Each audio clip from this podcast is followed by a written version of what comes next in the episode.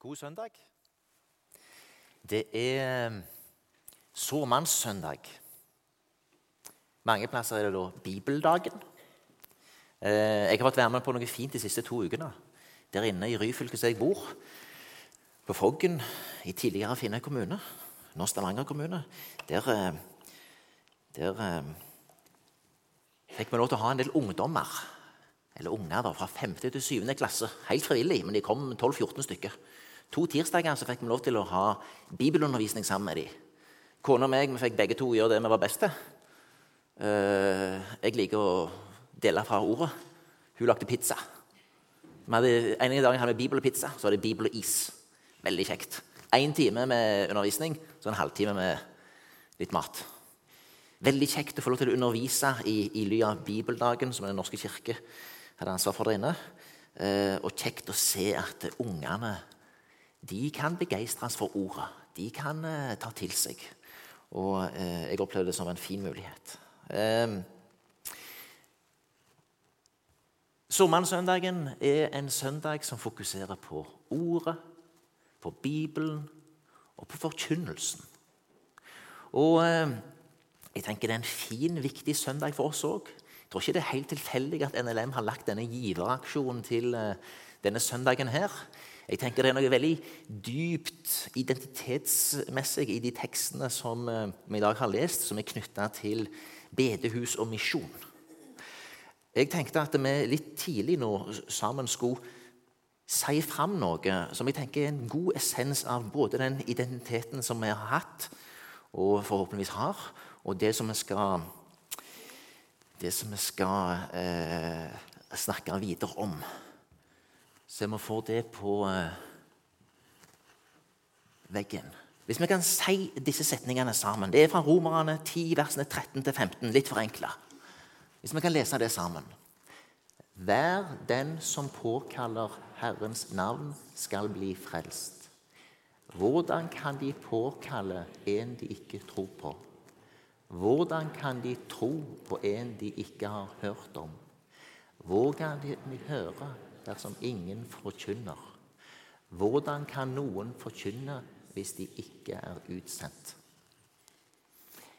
Jeg tenker dette, dette tenker jeg det er en grunnleggende del av det vi står i her. Og jeg tenker det er en grunnleggende del av grunnen til at vi har eh, denne giveraksjonen. Vi har tillit til ordet. Vi vet at ordet har gjort noe i oss gjennom vekkelser og gjennom undervisning i i generasjoner.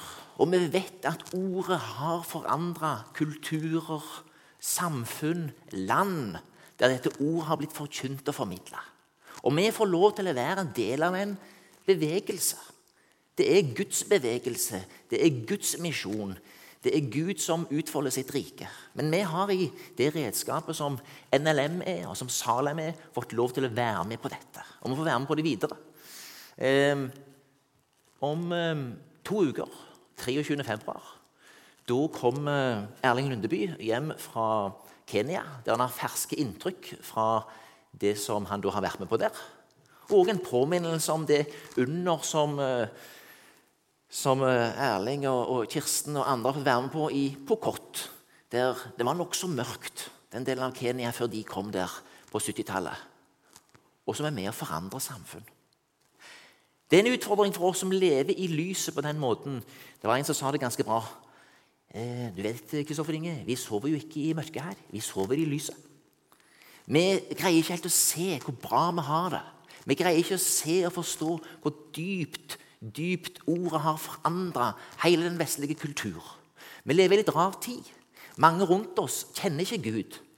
Men men de lever på mange måter som de kjenner den. For denne kulturen som er skapt over 1000 år, og enda lenger i mange andre land, har transformert samfunnet til der menneskeverd oppleves som noe naturlig. Der um, sannhet og ærlighet fremdeles vurderes til å være viktig. Det er ei bok av en uh, inder som heter um, 'Boken som forandret din verden'. Han kommer fra India, og så forteller han til oss hva denne boka har gjort.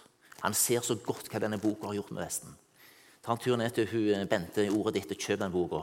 Det er en veldig trosstyrkende sak for å se hva ordet kan gjøre. Ordet forandrer. Ordet kløyver. Ordet er virkekraftig. Ordet er levende.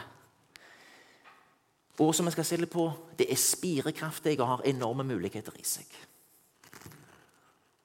Og ikke minst dette Hver den som påkaller Herrens navn, skal bli frelst. Det som det står veldig tidlig i, i Bibelen, etter syndefallet og etter Kain og Abel Kains ugjerning der han slår helt sin bror. På den tiden begynte de å påkalle Herrens navn. Tenk det, du. De begynte på ny å påkalle Herren. Et tidlig hint om at det skulle gå an å nærme seg Gud igjen. Og eh, Derfor er dette en god søndag til å påminne oss både de grunnleggende tingene om hva ord er for oss, og det vi får være en del av. Og eh, eh Vi skal få anledning til å eh, konkret være med og gi uttrykk for det òg senere når vi skal fokusere på dette med givertjenesten. Vi leser søndagens eh, preiketekst, som er fra Lukas kapittel 8, versene 4-15.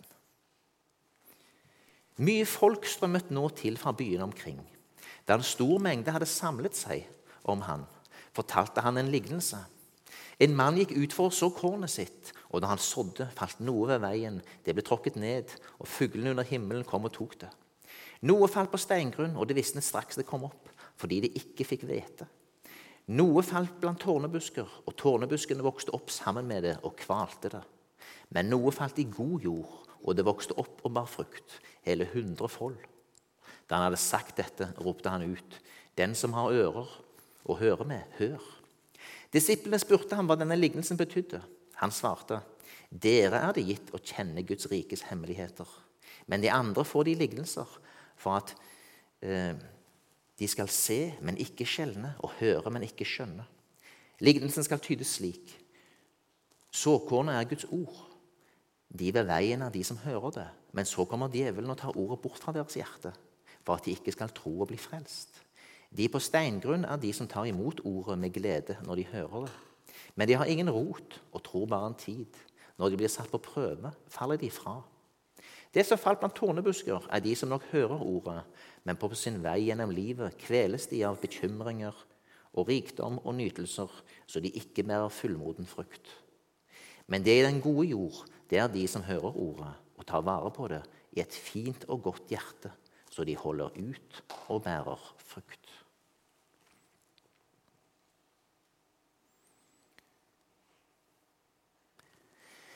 Lukas han er litt mer ordknapp i denne lignelsen enn eh, hos de to andre evangelistene, Matteus og Markus, som òg har disse, denne lignelsen.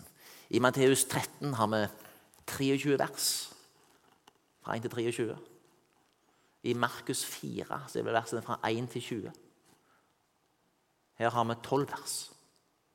Og Det synes jeg også virker veldig troverdig hvis vi tenker på prosjektet til, eh, til Lukas. Hva var prosjektet til Lukas? Lukas 1, fra vers 1. Det er mange som har forsøkt å gi en fremstilling av det som har skjedd blant oss, slik vi har fått overlevert, overlevert av dem som helt fra først av var øyenvitner og ordets tjenere.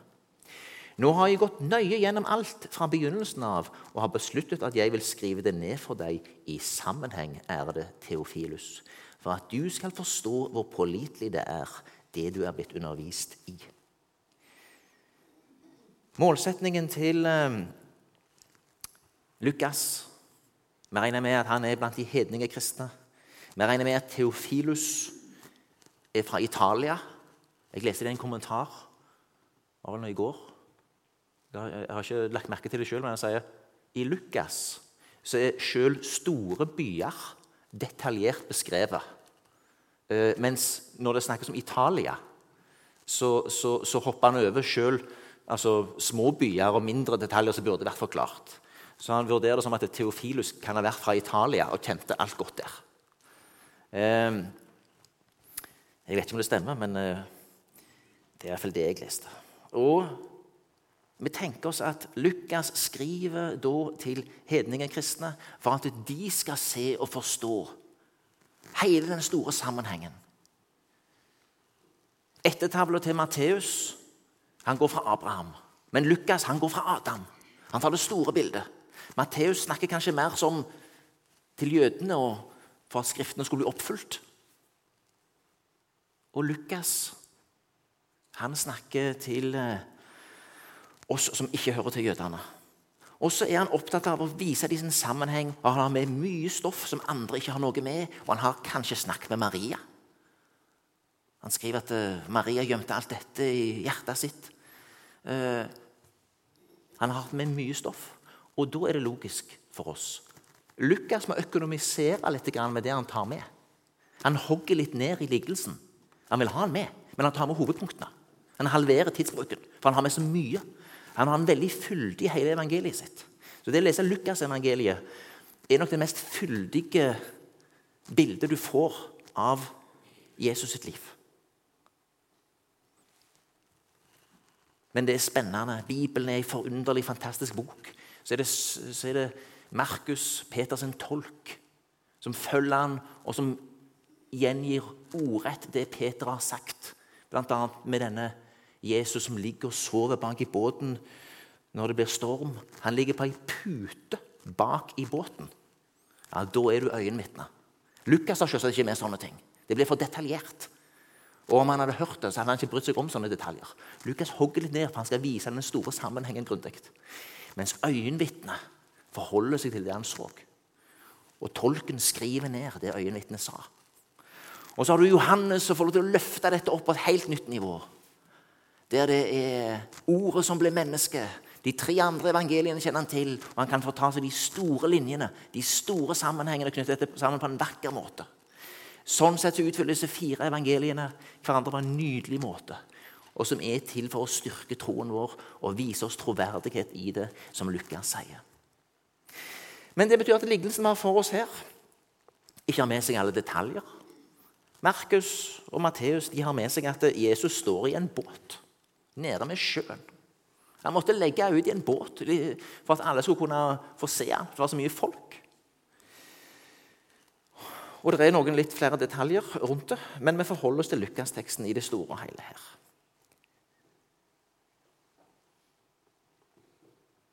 Jesus forteller en lignelse. Jeg leste en plass at han ville snakke i lignelser for at ikke noen skulle med en gang håne det han sa og la oss si, banalisere det og, og trykke sannheten ned. I perioder talte han rett fram. Men, men, her taler han og hadde en periode han talte i lignelser. Eh, og Det er litt sånne ting som vi kan legge oss på minnet. Jesus snakker ikke alltid rett fram i alle sammenhenger. Han tar en omvei. Det er en fare for oss òg. Kanskje kjenner jeg det særlig som er oppvokst i bedehuskulturen og har sunget 'Alle, alle' siden jeg var bitte liten. Den sangen er jeg ikke så veldig begeistra for. Den er jeg lei av. Vi kan bli lei av ting. sant? Noen av oss som liksom oppvokst i det, har vært mye i det. En del ting blir litt det du kaller for banalisert. Det er en fare. Derfor kan noen av oss, Jeg er nok en av de som trenger det, jeg trenger å tilnærme meg språket på nye måter. Som gjør at språket ikke står i veien for ordet. Eller for, for mitt møte med Gud. Og det er interessant her, Han snakker i lignelser for at de ikke nødvendigvis skal forstå med en gang. Men den som er interessert i og sugen på å tilnærme seg Gud, vil spørre hva skal dette bety? Hva skal dette være? Og sånn er det her. Og Jesus sier det sjøl. De skal se og se, men ikke forstå, høre, høre. Men for dere er det gitt å ja, få dette. Og det er de nysgjerrige, de som ville, og de som søker, som lurer en gang til. Hva mente du, Jesus? Hva mente du med dette? Og Da ligger det en skjult mening i det, som Jesus formidler videre. Ordet, eller såkornet, er Guds ord. Veien, det som er så ved veien, er det som eh, Der er det så hardt at det kommer seg ikke nedi. Djevelen kommer og tar ordet bort for at de skal tro og bli frelst. På steingrunn, eller sånn som det står i de andre der Matteus Markus, jordlaget var litt tynnere. De som tar imot det med glede når de hører det. Men de har ingen rot og tror bare om tid. Når de blir satt på prøve, faller de fra. Jorda er for tynn til det kan bli skikkelig røtter. Her har vi da den som kanskje er begeistra, den lett bevegelige, som gjør kjempegreier. Fine greier. Men med en gang det blir litt motstand i det, eller det blir litt sånn kjedelig, eller det blir en forpliktelse, eller det er noe som ikke går opp med en gang, så ah, Goodbye. Det har ikke fått slå rot. Og så er det tårnebuskene. Hører ordet, men på sin vei gjennom livet kveles de av bekymringer og rikdom og nytelser, så de ikke bærer fullmoden frukt. Men det er den gode jord. Det er de som hører ordet og tar vare på det i et fint og godt hjerte, så de holder ut og bærer frukt. Jeg tenker at eh, det vi har for oss her, har for så vidt to tolkningsmodeller. Det ene er at det er til de som aldri har hørt det før, og så hører det for første gang. Og så er det ulike responser på det. Hvordan mennesker som aldri har blitt eksponert mot dette ordet, forholder seg til det. Og så får det ulik effekt. Men jeg tror vi må kunne ta det inn over oss at vi som bærer kristennavnet, og som er døypt, og som eh, kaller oss kristne For oss vil det òg finnes områder i livet der det kan være hardt og vanskelig å trenge igjennom. Ting vi overhodet ikke vil ta til oss. Det kan være områder der vi sier ja, det må vi gjøre noe med. Eller dette her vil, ønsker jeg at Gud skal jobbe med i mitt liv. Men så, så ble det med det. Det skjedde ikke noen forandring. Og det kan være Og dette er et stort alvor, der jeg tror mange av oss i vår tid eh, sliter. Og her må vi virkelig hjelpe hverandre.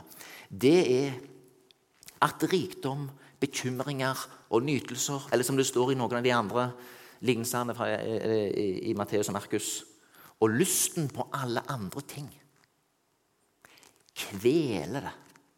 Det kveler ordet. Det kveler det ordet skulle gjøre, gjøre i oss. Det blir altså Det blir altså da ikke fullmoden frukt. Faren med ikke være fullmoden frukt det er at det blir et ork. Det blir et slit. Jeg har en bok om det, det han sammenligner han som skriver en bok, han sammenligner det med å være en kristen som ikke fullt ut får la seg bære frukt og overgi seg til Kristi vilje med denne ørkenvandringen. Ja, du går ut under blodet. Alle gikk ut under blodet. Men det kan bli en ørkenvandring. Livet kan bli sånn altså at eh, du ikke fullt ut får ta til deg av velsignelsene. Du får ikke komme inn i Kanan, for du tør ikke helt å stole på Gud og gå over Jordan. Du, eh, du, du, du lar det bli en ørkenvandring. Og så er jo det store spørsmålet da er det godt nok. Det er veldig fristende for kristne i vår tid med alle muligheter vi har, til å leve disse halvveislivene der vi plukker med oss det beste av alt. Vi vil ha penger og rikdom og nytelser i stort monn. Og så vil vi ha velsignelsene. Forfatteren av den boka jeg har, han sier da at eh, det er, en, fare i dette. For du kan dø i ørkenen. Det var de som gjorde det. Og du kan dø av at tårnebusken holder på å kvele deg. Og eh, det, Derfor er en fare i det. Derfor må vi hjelpe hverandre som kristne. Oppmuntre hverandre i vandringen. Ikke stille knallharde krav til hverandre, men i kjærlighet til hverandre hjelpe hverandre hvis vi ser synd. Ja, hjelpe hverandre på veien. Hjelpe hverandre til å få se mer av Gud. Og få større glede få større fremgang i troen. Oppleve at det er et liv, en vandring, et liv som er verdt å leve. Her tror jeg mye av slaget står i vår tid, for oss som bærer kristennavnet. For det er påtrengende med fristelsene, det er påtrengende med alle andre ting. Eh, enten det er via skjermen, eller det er det som livet ellers eksponerer oss mot. Eh, hardt arbeid og ting vi må følge opp der ute. Det er ikke så mye i vår tid som hjelper oss. Vi er omgitt av tårnebusker. Vi er omgitt av veldig krevende landskap. Der det kreves et hardt arbeid for å holde jorda ren for disse tårnebuskene. Her er det jo håpet at forsamlingen er til hjelp. Her er det jo håp at vi kan støtte hverandre. Både at vi kommer sammen på søndagen og proklamerer og deler og deler nattverd og kjenner fellesskapet. Men òg at eh, vi kan hjelpe hverandre i den lille gruppa og på tomannshånd, der vi kan bety noe mer for hverandre.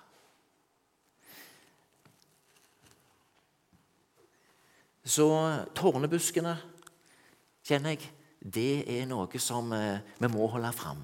At rikdommen, bekymringene,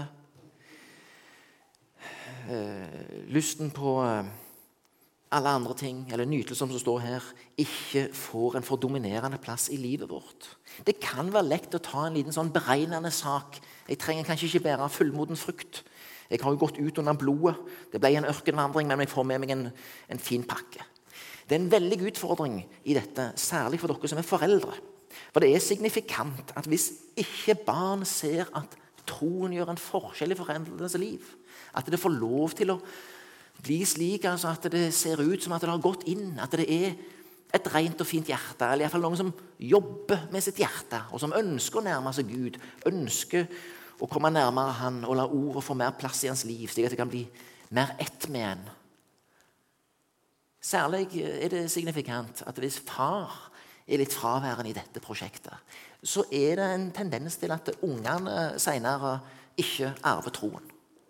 Det er noe med troverdigheten i det å se at uh, det er noe som holder. Og Derfor er dette et ord til oss.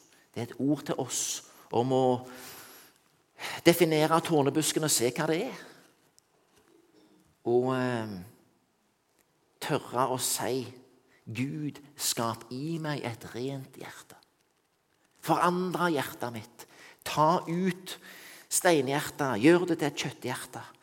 La meg få eh, del i det du har å gi meg, Herre. Ja, vi er nå inne i ei tid der vi skal nærme oss fasten. Og fasten leder inn mot påsken og påskens budskap. Der Jesus rir inn i Jerusalem, der han eh, tar på seg all verdens straff. Din og min synd, og din og min likegyldighet, og, og din og min svakhet i forhold til tårnebuskene, og din og min eh, feighet og halthet og delte sinn. Alt dette har han tatt på seg. Eh, det er hengt opp med korset med han. Det er, det er begrava ved han. I hans blod er alle synder tatt bort. Og Gud ser bare Kristus. Og så, får vi forholde oss til å tro på den oppståtte Kristus, som ved sin kraft kan virke i oss og gjøre mye mer enn alt det vi ber om og forstår. Og så skal vi besinne oss på det Jesus sa. Dere skal vente i byen på kraft fra det høye. Vi skal vente på at Den hellige ånd gjør en gjerning i våre liv.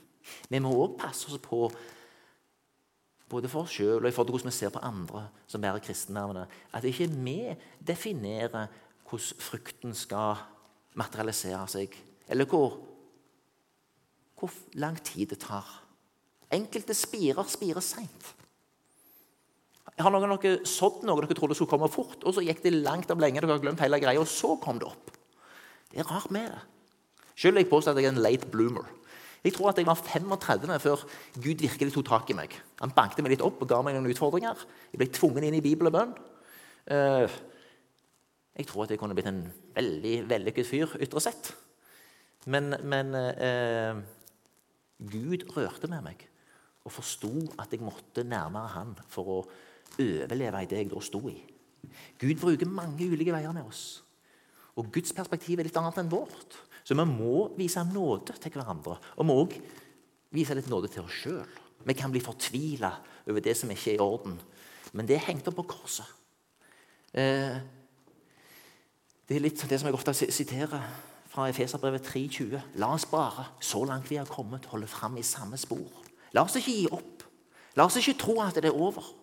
La oss jobbe for å bli den gode jord, det rene og gode hjertet, der Gud kan få gjøre sin gjerning i oss, der han kan få lede oss ved sin ånd, der vi kan få bety noe eh, som et eksempel for mennesker rundt oss, og der vi får lov til å være sånne som eh, både samles om ordet, og der ordet får gjøre noe i oss. Vi trenger på en ny måte å hjelpe hverandre med dette. Det er mye tøffere der ute. Tårnebuskene er nærmere. Det er mer påtrengende. Det er en ny tid. Vi trenger å støtte hverandre i dette. Vi må ikke dømme hverandre og si at du ikke når opp til en standard. Gud må få jobbe med det. Det er Den hellige ånd som må vise dette klart. For det er ordet som skal kløyve og skille og virke og gjøre levende. Ikke menneskebud og ikke menneskers vurderinger. Gud skal gjøre det. Noe av det sterkeste jeg var med på her i fjor, det var når den godeste Kurt Hjemdal var på besøk. Denne mannen som har vært bibelskolelærer og prest, og som, eh, som deler fra, fra Esekiel. Han spør på sitt dansk. Menneske, kan disse ben bli levende igjen? Herre Gud, det vet bare du. Da sa han til meg, tal profetisk over disse ben og si til dem, dere tørre ben, hør Herrens ord. Så sier Herren Gud til disse ben, se, jeg lar det komme livsånd i dere, så dere blir levende. Jeg lar det komme sener og kjøtt på dere og dekker dere med hud. Så gir jeg dere livsånde, og dere blir levende. Da skal dere sanne at jeg er Herren. Jeg talte profetisk som jeg hadde fått påbud om, og mens jeg talte, tok det til å buldre og skjelve. Bena la seg inntil hverandre, ben ved ben, og mens jeg så på, kom det sener og kjøtt på dem, og de ble dekket med hud, men livsånde var det ikke i dem. Da sa han til meg, tal profetisk til livsånden. Menneske, tal til den og si, så sier Herren Gud. Livsånde kom fra de fire verdenshjørner og blås på disse drepte menn, så de blir levende. Jeg talte profetet som han bød meg. Da kom det livsånde i dem, så de ble levende. De reiste seg opp og ble stående. Det var en veldig hær. Veldig sterke profetiske budskap. Tal profetisk. Tal Guds ord inn i din tid. Gud kan. Gud kan gjøre levende. Gud kan gjøre levende det som har vært levende og ble dødt. Han kan vekke det til live igjen. Han kan vekke til live det i deg som har dødt. Han kan vekke til live i deg det som har blitt hardt, det som du er blitt likegyldig overfor, det som du tar lett på, det som tårnebusken har drept. Gud kan, og Gud vil. Dette er det spennende. Den som vil, skal få livets vann for intet. På et mysteriøst vis så er altså Guds vilje knytta til vår vilje. Vår vilje møter Han. Og Samtidig sånn at det er Han som virker i oss. Før vi har kommet Han i møte, eh, så har Han gått mot oss. Gud vil komme deg i møte. Han vil ikke la deg eh, ligge tilbake. Han vil at du skal komme til Han. Du skal få ha håp. Vi leser òg litt ifra eh, klagesangene, utrolig nok. Som jeg sa til ungene mine i går. Vi leste fra det. Fra Sutreboken, sa jeg. Mm, sutreboken. Ja, det var mye sutring i den boka, sa jeg. Sutreboken 3, vers 20 og utover. Klagesangene. Likevel må jeg tenke på det jeg er nedtrykt i min sjel. De sitter i landflyktighet og har tapt mye. Men én ting legger jeg på sinne. Derfor har jeg håp. Herrens miskunn er ikke forbi. Hans barmhjertighet tar ikke slutt. Den er ny hver morgen. Stor er din trofasthet. Tenk det. Tenk det er sånn. Midt i vårt kvelende liv, der mange ting vil kvele troen, så er det sånn at Herrens miskunn er ikke forbi. Hans barmhjertighet tar ikke slutt. Den er ny hver morgen. Stor er din trofasthet. Vi skal om en liten stund si 'Kom, for alt er ferdig'. Det er ferdig ved Kristus. Det er ferdig ved korset. Du skal kunne ta det til deg igjen. Du skal få lov til å leve det. Og du skal kunne fornyes og styrkes ved nattverden og ved ordet. Din trofaste kjærlighet kan aldri svikte. Din barmhjertighet den kan aldri ta slutt. Den er ny hver en morgen, ny hver en morgen. Stor er din trofasthet, o Gud. Til slutt hva trenger såkornet for å vokse? Det trenger litt tid. La oss gi hverandre litt tid. Det kan være vanskelig av og til. Vi er utålmodige med hverandre. Vi kan også være utålmodige med oss sjøl. Men Gud skal virke i oss noe dypt, ikke bare et symptom. Han vil forandre oss totalt. Det kan være en prosess. Og så er det en ting til. Det trengs varme. Hvetekornet vokser mellom 4 og 37 grader. Hvis det blir under 4 grader, så vokser det ikke. La oss hjelpe til at i familiene, i relasjonene og i um, alt vi står i, forsamlingene, ja, så bør temperaturen helst være mellom 12 og 25. La oss hjelpe hverandre, la oss møte hverandre, la oss være glad i hverandre. La oss ikke stille for store krav, eh, verken til oss sjøl eller andre. La oss ikke skyldfølelsen eh, eh, og de store forventningene ta livet av det. Eh, her trenger vi å hjelpe hverandre. For vi kommer fra en rik kultur. Vi har så lett for å se tilbake på så stort det var da, og så blir det litt smått nå. Nei, men La oss ikke gjøre det. La oss bare begynne der vi er. La oss vende blikket mot Kristus. La oss gå mot Han. La oss ha et ønske om å bli den gode såjord. En av de tingene som virkelig viser hvordan vårt hjerte står til, det er vårt forhold til penger. Det er en krevende sak. Jeg kan si Gud har gjort noe i meg. Jeg har erfart at ting som var viktige før, ikke er det lenger. Men Nå kjører jeg Toyota Starlet 1995. Før kjørte jeg Mercedes. Jeg savner den ikke. Kan høres litt sånn idyllisk ut. Kan hende jeg en gammel Mercedes igjen. Men, men, poenget er at Gud virker noe i oss. Gud forandrer oss, og han vil forandre oss. Um, og det er litt sånn altså at Vi må ha tillit til at Guds veier, at han handler med den enkelte av oss. Og så er det ikke alltid at det er på den måten som vi tror. For som Jonny leste Mine tanker er ikke deres tanker. Deres veier er ikke mine veier.